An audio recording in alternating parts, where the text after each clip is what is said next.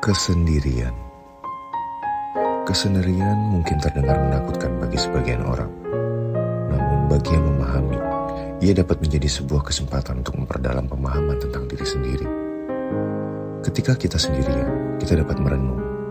Merenung tentang tujuan hidup kita dan apa yang sebenarnya kita inginkan dalam hidup ini. Kita dapat mengeksplorasi hobi dan minat kita, mengejar impian kita, dan mengisi waktu kita dengan kegiatan yang membawa kebahagiaan.